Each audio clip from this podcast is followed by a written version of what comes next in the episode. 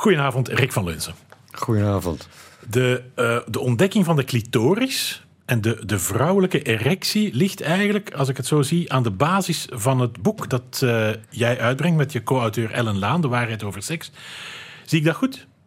Uh, ja, de ontdekking.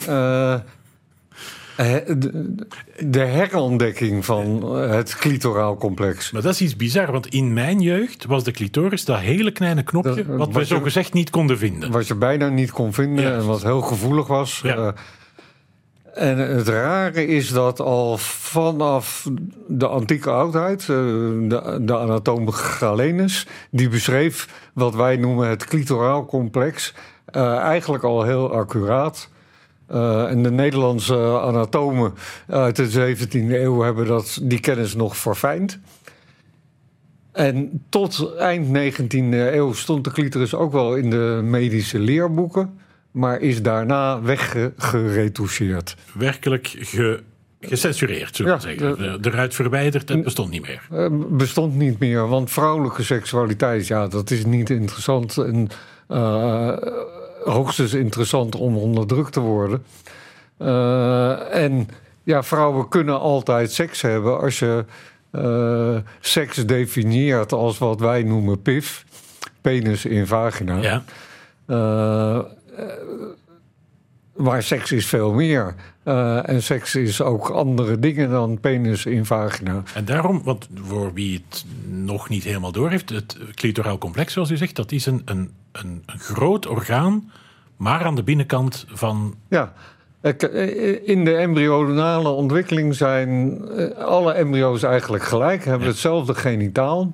En alleen als er een, een paar stofjes door het XI-individu worden geproduceerd, wordt het in aanleg vrouwelijke genitaal omgebouwd naar het mannelijk genitaal. En gaat alles eigenlijk naar buiten, uh, wat oorspronkelijk van binnen ligt. En het clitoraal complex is net zo groot als het geslachtsorgaan van de man. Dus eigenlijk wat, wat wij hebben aan de buitenkant, die penis, die, die balzak, die ballen ja. zelf, dat dat, dat hebben vrouwen, vrouwen, vrouwen van ja. binnen. Uh, ja. En dat clitoraal complex bestaat uit twee grote zwellichamen die langs het schaambeen lopen. En twee andere uh, zwel, uh, zwellichamen die de ingang van de vagina en een deel van de vaginawand en de, en de plasbuis als het ware omhullen als een. Uh, ik heb dat wel eens genoemd, een, een airbag, een gigantische airbag, ja. die bij seksuele opwinding zich vult met bloed. En Vrouwen hebben voor plezierige penis- en vagina-seks net zo goed een erectie nodig als mannen. Ja. En eigenlijk zou, zouden vrouwen moeten leren dat ze pas, als ze dat al willen, een penetratie toestaan op het moment dat, dat ze een volledige erectie ook hebben. Ook een erectie hebben, ja, ja. ja. en ik merk in jullie boek dat jullie daar ook over dat ver, verdoezelen van dat clitoraal complex echt boos zijn. Want ik lees van die zin als de clitoris, die kennelijk voor Jan Doedel meer dan tweemaal zoveel gevoelstelingen heeft als de eikel van de man. Ja. Dan voel ik daar een soort... Er is echt wel weerzin nou, bij nou, ja, Het is ook uh, boosheid over de stelselmatige ontkenning van... Hmm. De vrouwelijke seksuele capaciteiten. Ja. Uh, we, zijn, we zijn allemaal opgevoed met allerlei mythes over mannen en vrouwen en enorme verschillen in seksuele capaciteiten. Uh, vrouwen zouden moeilijker opgewonden worden, hebben minder vaak zin, kunnen moeilijker klaarkomen. Dat is allemaal onzin. Rick van Lunzen, we praten over het boek dat u samen met Ellen Laan schreef. Zij is hier niet. Zij is uh, vorig jaar overleden, terwijl jullie nog aan het boek aan het uh, werken waren. Is het boek een beetje haar testament ook? Of is dat te uh, dat overdreven? Ja, ik denk dat je het zo kun, kunt zeggen. Zo heb ik het in ieder geval opgevat toen ja. zij een paar maanden voor haar dood... toen er nog geen letter op papier stond uh, tegen me zei van ik wil dat dat tweede boek van ons er gaat komen. Uh, en uh, ik heb haar dat toen beloofd. Ja. en eigenlijk, natuurlijk stond er al heel veel op papier in wetenschappelijke artikelen. we hebben 25 jaar samengewerkt. en hadden over veel dingen dezelfde ideeën. Dus ja, ik hoop dat Ellen daar ergens boven tevreden is over wat ik er uiteindelijk van gemaakt heb. Het is een mooi eerbetoon geworden in elk geval, Absoluut. dat boek. Zij was uh, tien jaar geleden hier te gast bij Clara, bij Patonné. En ik heb een klein fragmentje daaruit klaarstaan. Ik denk ook dat dat helemaal niet zo gek is. Ik vind dat mannen, ik verwijt het mannen helemaal niet dat zij gemeenschap zo, lekker vinden. Nee, want, want als ik een man was, denk ik, zou ik dat ook willen. Want ja, ja wat krijg je? Uh, een vochtigheid, een zekere mate van druk en warmte. Dat is heerlijk voor een mannelijk geslachtsdeel. Uh, wat je ook ziet uit onderzoek is dat in heteroseksuele seksuele interacties vrouwen uh, per keer, nou ja, ongeveer minder dan de helft komt dan klaar. Mannen komen om 90% klaar. Wat zegt dat? Niet dat vrouwen minder behoefte hebben aan seks, maar dat de seks die er is, denk ik, voor mannen, hè, en vooral coitusgerichte seks, voor mannen uh, plezieriger is. Alleen al door de manier waarop hun lichaam is, gebouwd. Ik denk wat we uh, ter discussie moeten stellen is dat gemeenschap de enige manier is voor seksuele expressie. Want dan zijn vrouwen per definitie in het nadeel. En vrouwen vragen mij nog steeds: waarom bestaat er nou niet zoiets als een vaginaal orgasme? Wat ze hmm. bedoelen is, waarom kan ik niet klaarkomen tijdens coitus? Nou, dat, dat kan wel, maar dan moet je zelf het heft in handen nemen en goed timen. En als jij net zo opgewonden bent eh, eh, als je partner met een stijve erectie. want wij, eh, ons geslachtsdeel zit vooral aan de binnenkant, wat we niet goed kunnen zien. Wat lastig is en wat ons onzeker maakt. we moeten het als het ware hebben van wat we kunnen voelen met ons brein. En we hebben geen extra visuele feedback bijvoorbeeld. Ja, dat hebben jullie wel. ja. Nou, de gemeenschap kan heel erg opwindend zijn. Je kan er ook van klaarkomen als je dat goed timet. En niet niet doet op het moment dat je niet voldoende opgrond bent. Want dan krijg je ook pijn. Tien jaar oud, maar nog altijd relevant. Ja, of niet? Want ze zegt, ja, uh, de helft komt klaar tijdens penis in vagina seks? Of? uit de statistieken blijkt dat het nog minder is als er niet ook tijdens die penis in vagina seks uh, op de een of andere manier clitoraal gestimuleerd wordt. Hoe zou het komen dat het zo lang geweest is dat, uh, dat er zo lang een genderongelijkheid in plezier geweest is. Want dat is er eigenlijk. Hè? Uh, ik denk dat dat heel, eigenlijk heel simpel is, omdat alles rond seksualiteit uh, sinds minstens 5000 jaar vanuit mannelijk perspectief is gedefinieerd. en op de een of andere manier mannen erin geslaagd zijn het mannelijke heteroseksuele scripts te projecteren op, op vrouwen. En vrouwen uh, zijn daar in toenemende mate uh, gebombardeerd met het idee dat dat normaal is.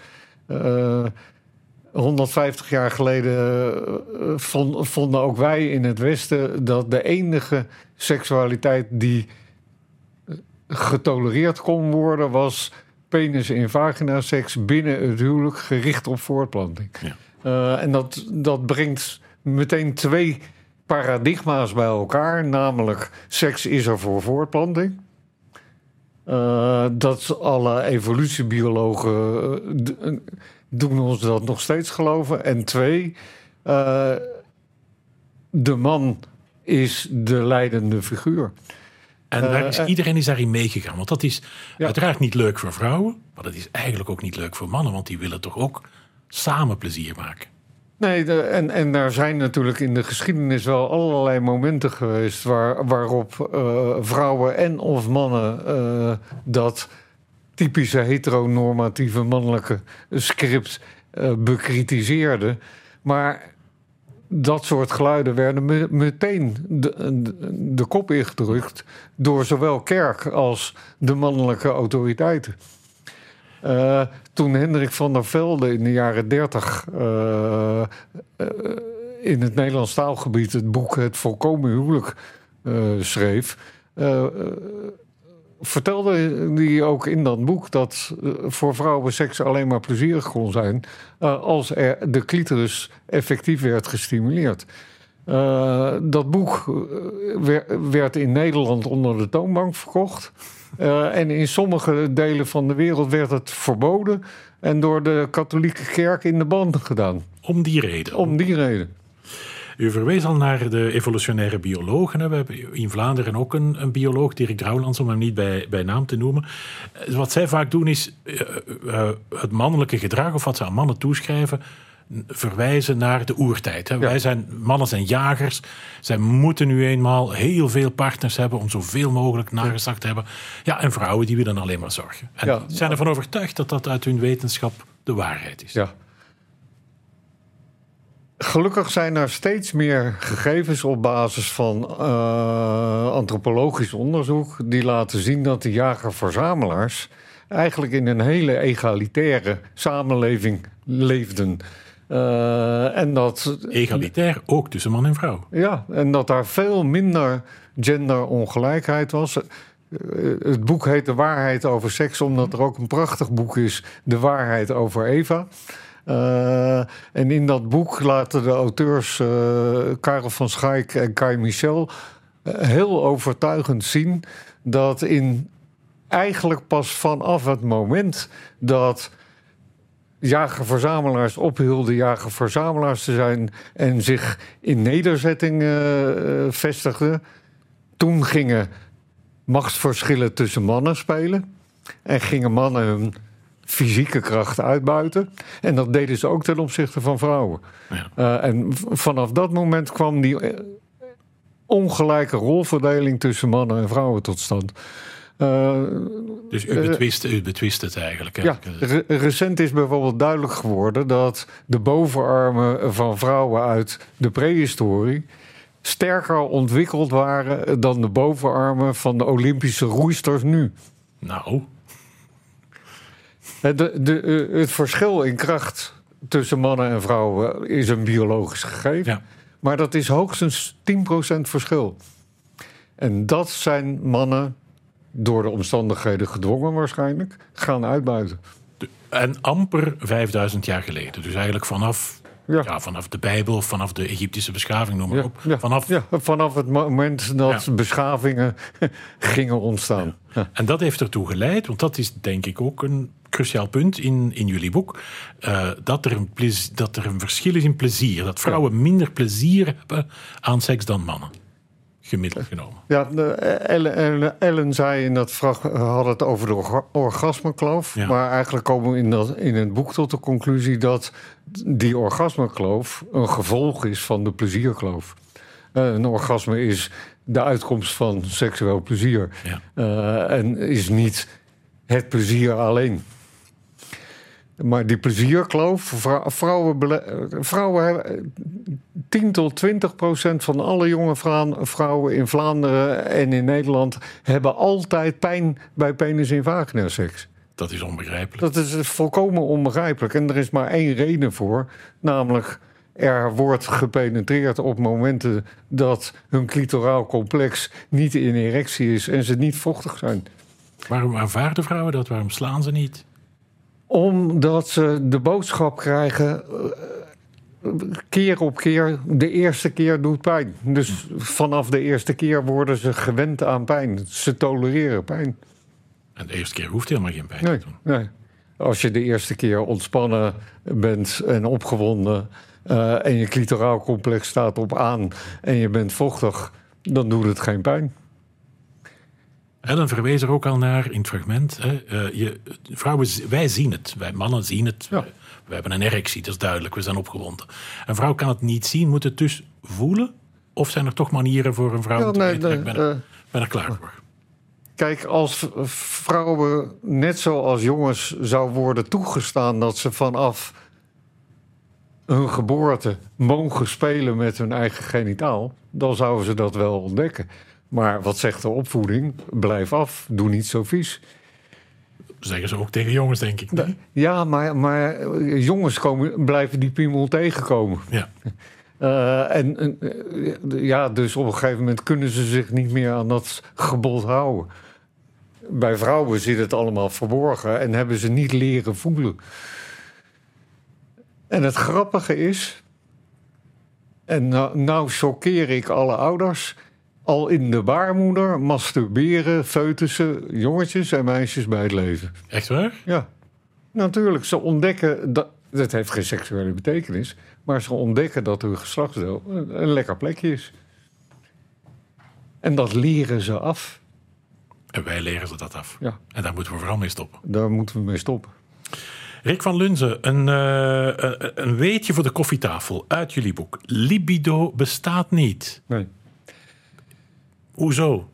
We zijn allemaal opgevoed met het idee dat er zoiets bestaat als spontane zin in seks. Ja, en mensen met een groot libido hebben veel spontane zin in seks.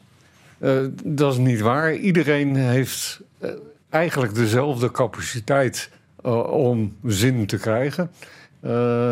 het seksuele systeem, ons seksuele systeem, gaat voortdurend op aan bij allerlei seksuele prikkels die voor eigenlijk altijd om ons heen zijn. Dat systeem dat reageert razendsnel binnen 1 tiende seconde met een beginnende lichamelijke reactie. En dan neem je ergens wel of niet de beslissing om daar iets mee te doen. Oh ja? En dat is zin. Dat is zin. En, en je neemt die beslissing alleen maar als je weet dat er een beloning ligt te wachten. Namelijk plezier. Ja. Uh, of een berg geld. en zin ontstaat dus niet on spontaan. En het feit is dat dus partners... een externe prikkel? Een, een, een ex of een interne prikkel, een gedachte, een fantasie. Ja. Uh, het is ook niet zo dat testosteron zin geeft.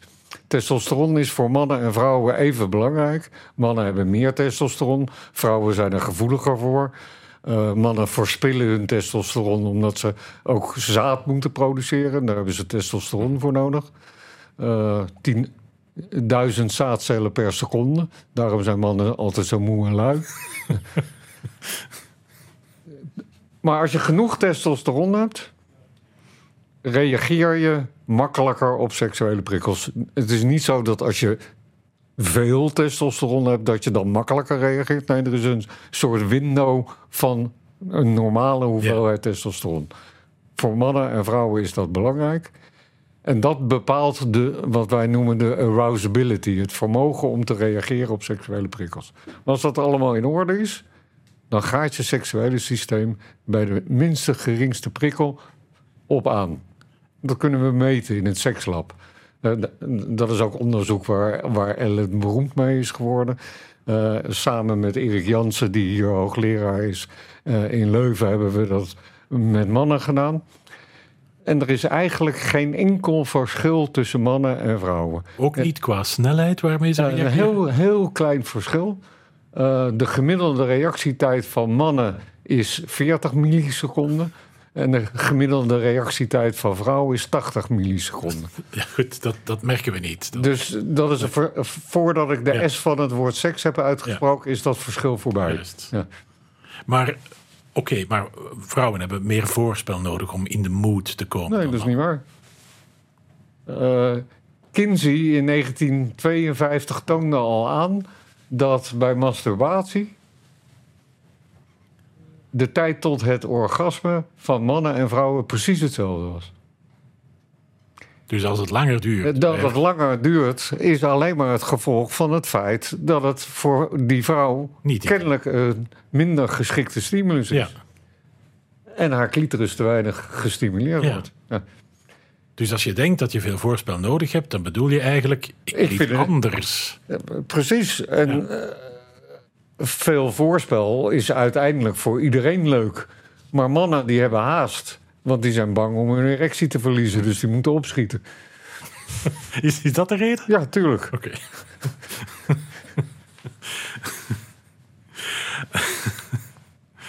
Ehm, dus spontaan zin, vergeet het, hè? Dat bestaat niet. Dat heb ik goed begrepen.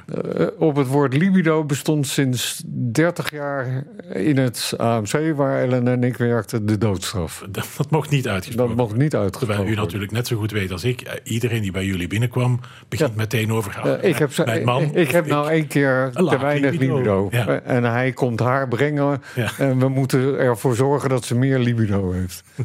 Maar dat, zo werkt het niet. Nee.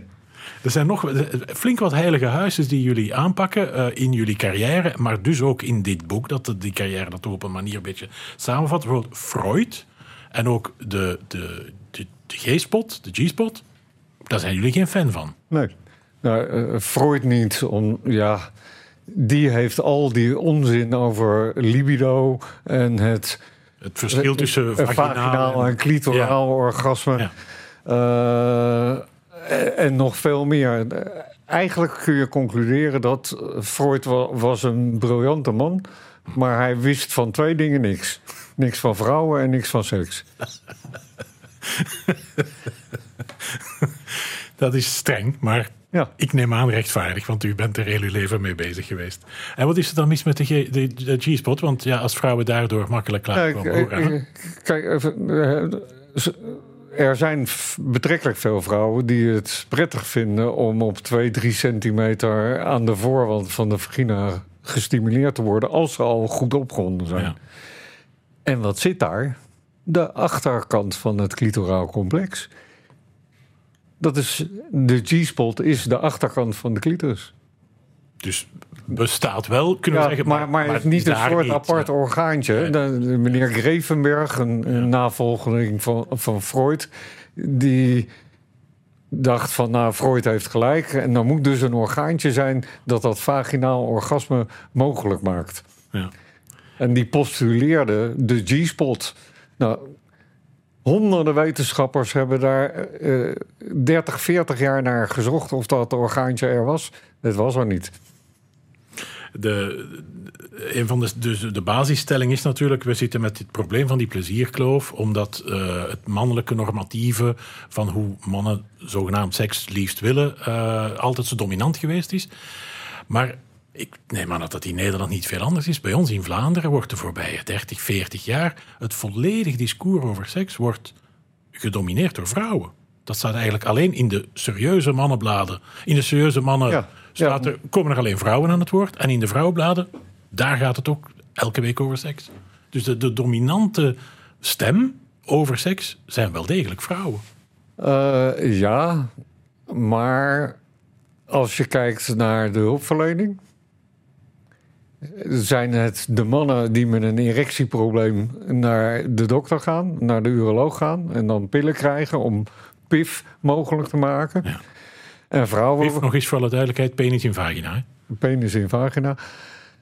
En vrouwen wordt gezegd, ja, je bent in de overgang, uh, je, bent, je vagina is gordroog en je eierstokken zijn dood. Dus uh, je moet maar een pot glijmiddel gebruiken. Uh, dan kan hij weer. En is dat slechte raad? Uh, ja, want uh, uit, het onder, uit een van de vele onderzoeken van Ellen en ondergetekende blijkt dat in ons laboratorium vrouwen na de overgang net zo nat worden als daarvoor. Want het is revolutionaire uh, informatie. Ja, als ze maar opgewonden zijn. Kijk, een vagina wordt droger en dat kan klachten opleveren buiten de seks. Maar de seksuele vochtigheid is na de overgang precies hetzelfde als daarvoor. Jullie zijn ook uh, heel expliciet in de, in de uitleg, en dat is goed uiteraard, want dat is duidelijk, uh, waar het allemaal vandaan komt. Hè. Er is een, de, uh, het, het, vaginale vocht. Waar komt dat eigenlijk vandaan? Wat is dat? Het, het systeem bij mannen en vrouwen is hetzelfde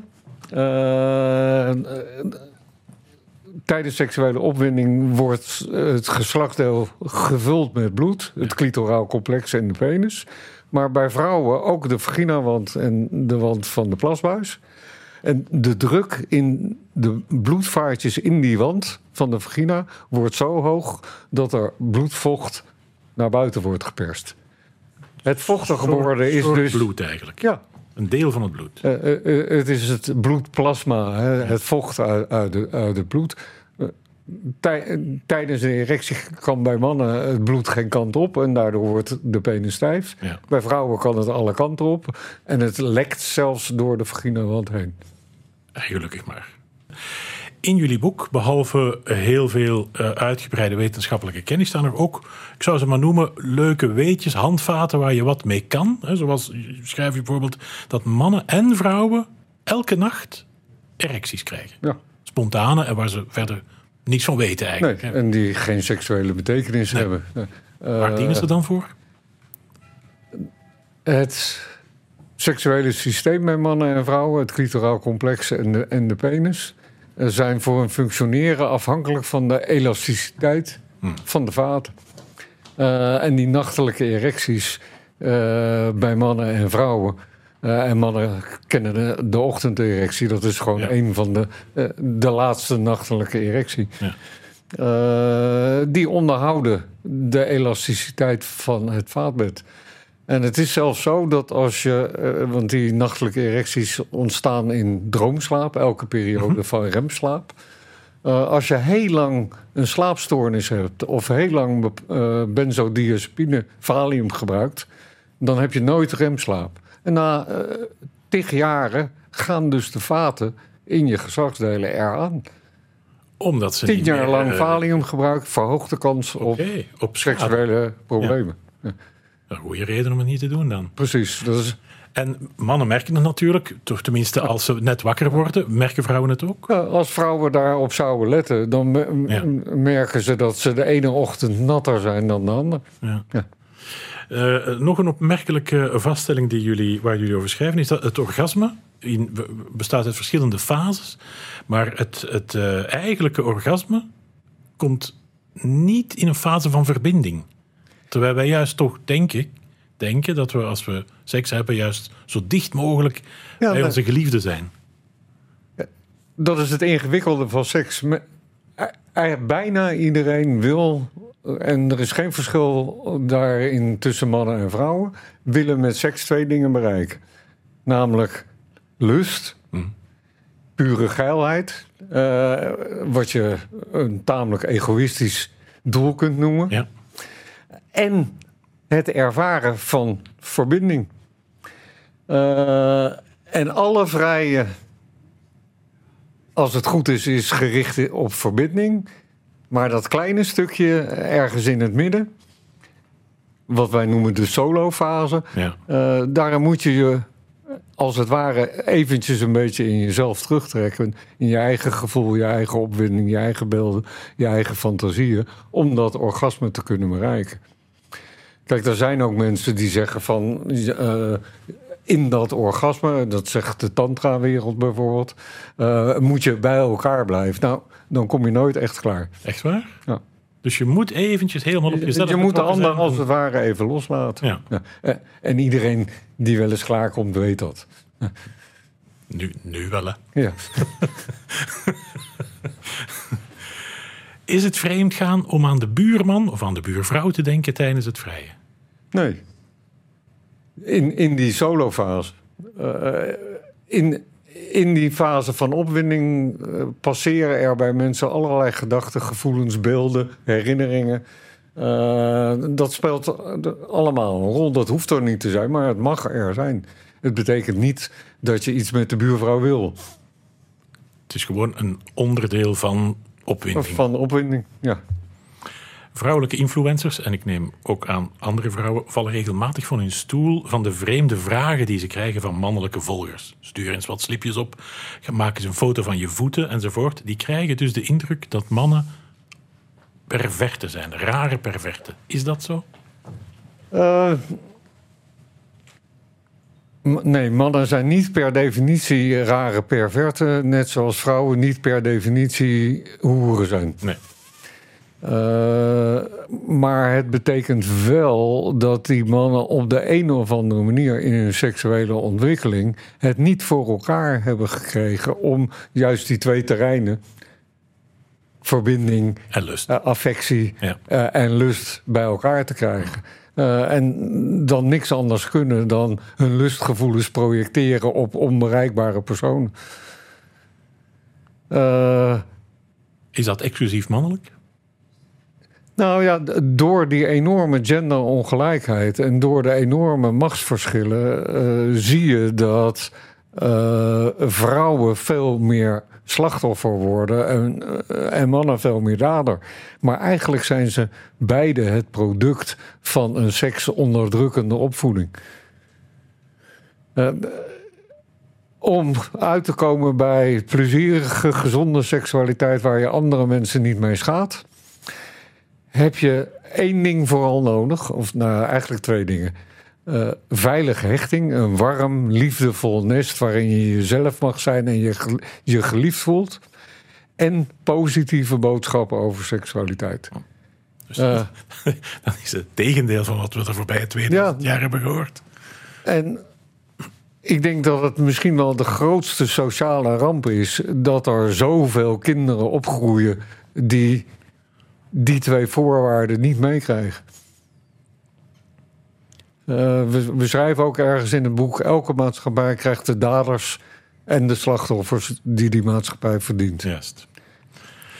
En uh, nog een hardnekkig uh, cliché, maar misschien is het waar. Mannen hebben meer sekspartners dan vrouwen. Ja, hoe kan dat, hè? Je mag daar niet wiskundig over nadenken. Nee, nee. nee dat, David Spiegel had een beroemde Engelse econometrist. Die heeft alles berekend dat dat niet kan. Hm. en de groep van Alexander heeft daar een heel aardig onderzoek over gedaan.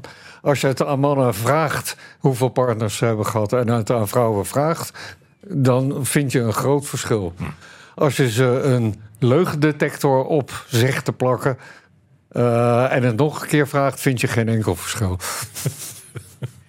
Dus ook hier is een sociaal wenselijk antwoord dat uh, in ons brein is komen postvatten ja, ja. als, een, als een werkelijkheid, maar kan niet. Hè? Ja.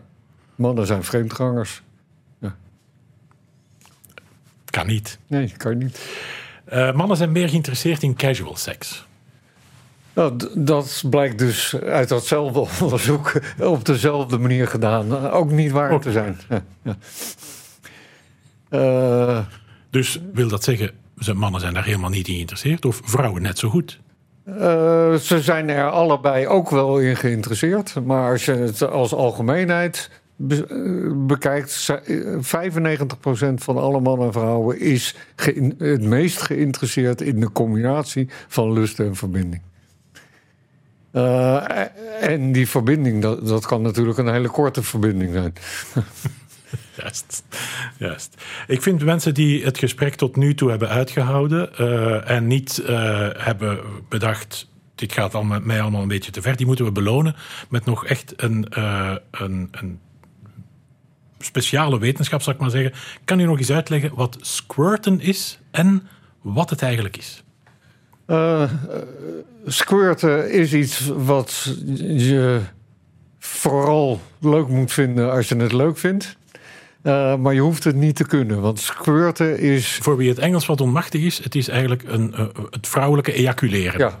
En, en, en, vrouwen ejaculeren, want, uh, want, mannen zijn omgebouwde vrouwen. Ja. Uh, dus vrouwen kunnen alles wat mannen ook, ook, kunnen. Alleen die vrouwelijke prostaat, de kliertjes van schenen, uh, produceren bij het orgasme hoogstens 4 milliliter vocht. Terwijl spurten soms. En, en als, als je fonteinen ja. dan is dat, dat prostaatvocht bijgemengd met vooral sterk verdunde urine uh, en opwindingsvocht en baarmoederslijm. Uh, maar eigenlijk is het, om het heel plat te zeggen, een vorm van stressincontinentie. Oh, echt waar? Ja. Dus het is eigenlijk geen toppunt van. Uh, nee. Van... Kijk, als je het leuk vindt, prima. Maar het is niet iets wat een bewijs is van hoe, hoe goed het orgasme was. Ja, dus het is niet iets dat we per se moeten nastreven. Nee. Nee. Geen van beide. Nee, en er zijn ho hopen jongens die, die vinden dat zij in staat moeten zijn om hun partner te laten squirten. Uh, en nou, dat leidt alleen maar tot uh, mechanisch uh, gedoe. Ja. die meer ellende oplevert dan, dan plezier. Inderdaad, en daar gaat het eigenlijk over, over plezier. We gaan in een apart hoofdstuk nog in op genderverschillen en, en identiteit. En eigenlijk als je dan ertoe komt, want daar gaat eigenlijk jullie boek over dat er niet echt een verschil is tussen man en vrouwen, dan kan heel dat gedoe over geslacht en gender eigenlijk de schop op. Ja, uh, wat we ook ergens in het boek zeggen, dat steeds uitdijende alfabet van allerlei letters. Ja. Uh, dat snappen we, want er zijn natuurlijk allerlei minderheidsgroepen die terecht willen emanciperen. Maar uiteindelijk moeten we uitkomen bij één letter, de Q. We zijn allemaal queer. We zijn allemaal anders. Geen twee mensen zijn hetzelfde. Dank u wel, Rick van Linzen. Uw boek De Waarheid over Seks, samen met Ellen Laan geschreven, is verschenen bij de Arbeiderspers.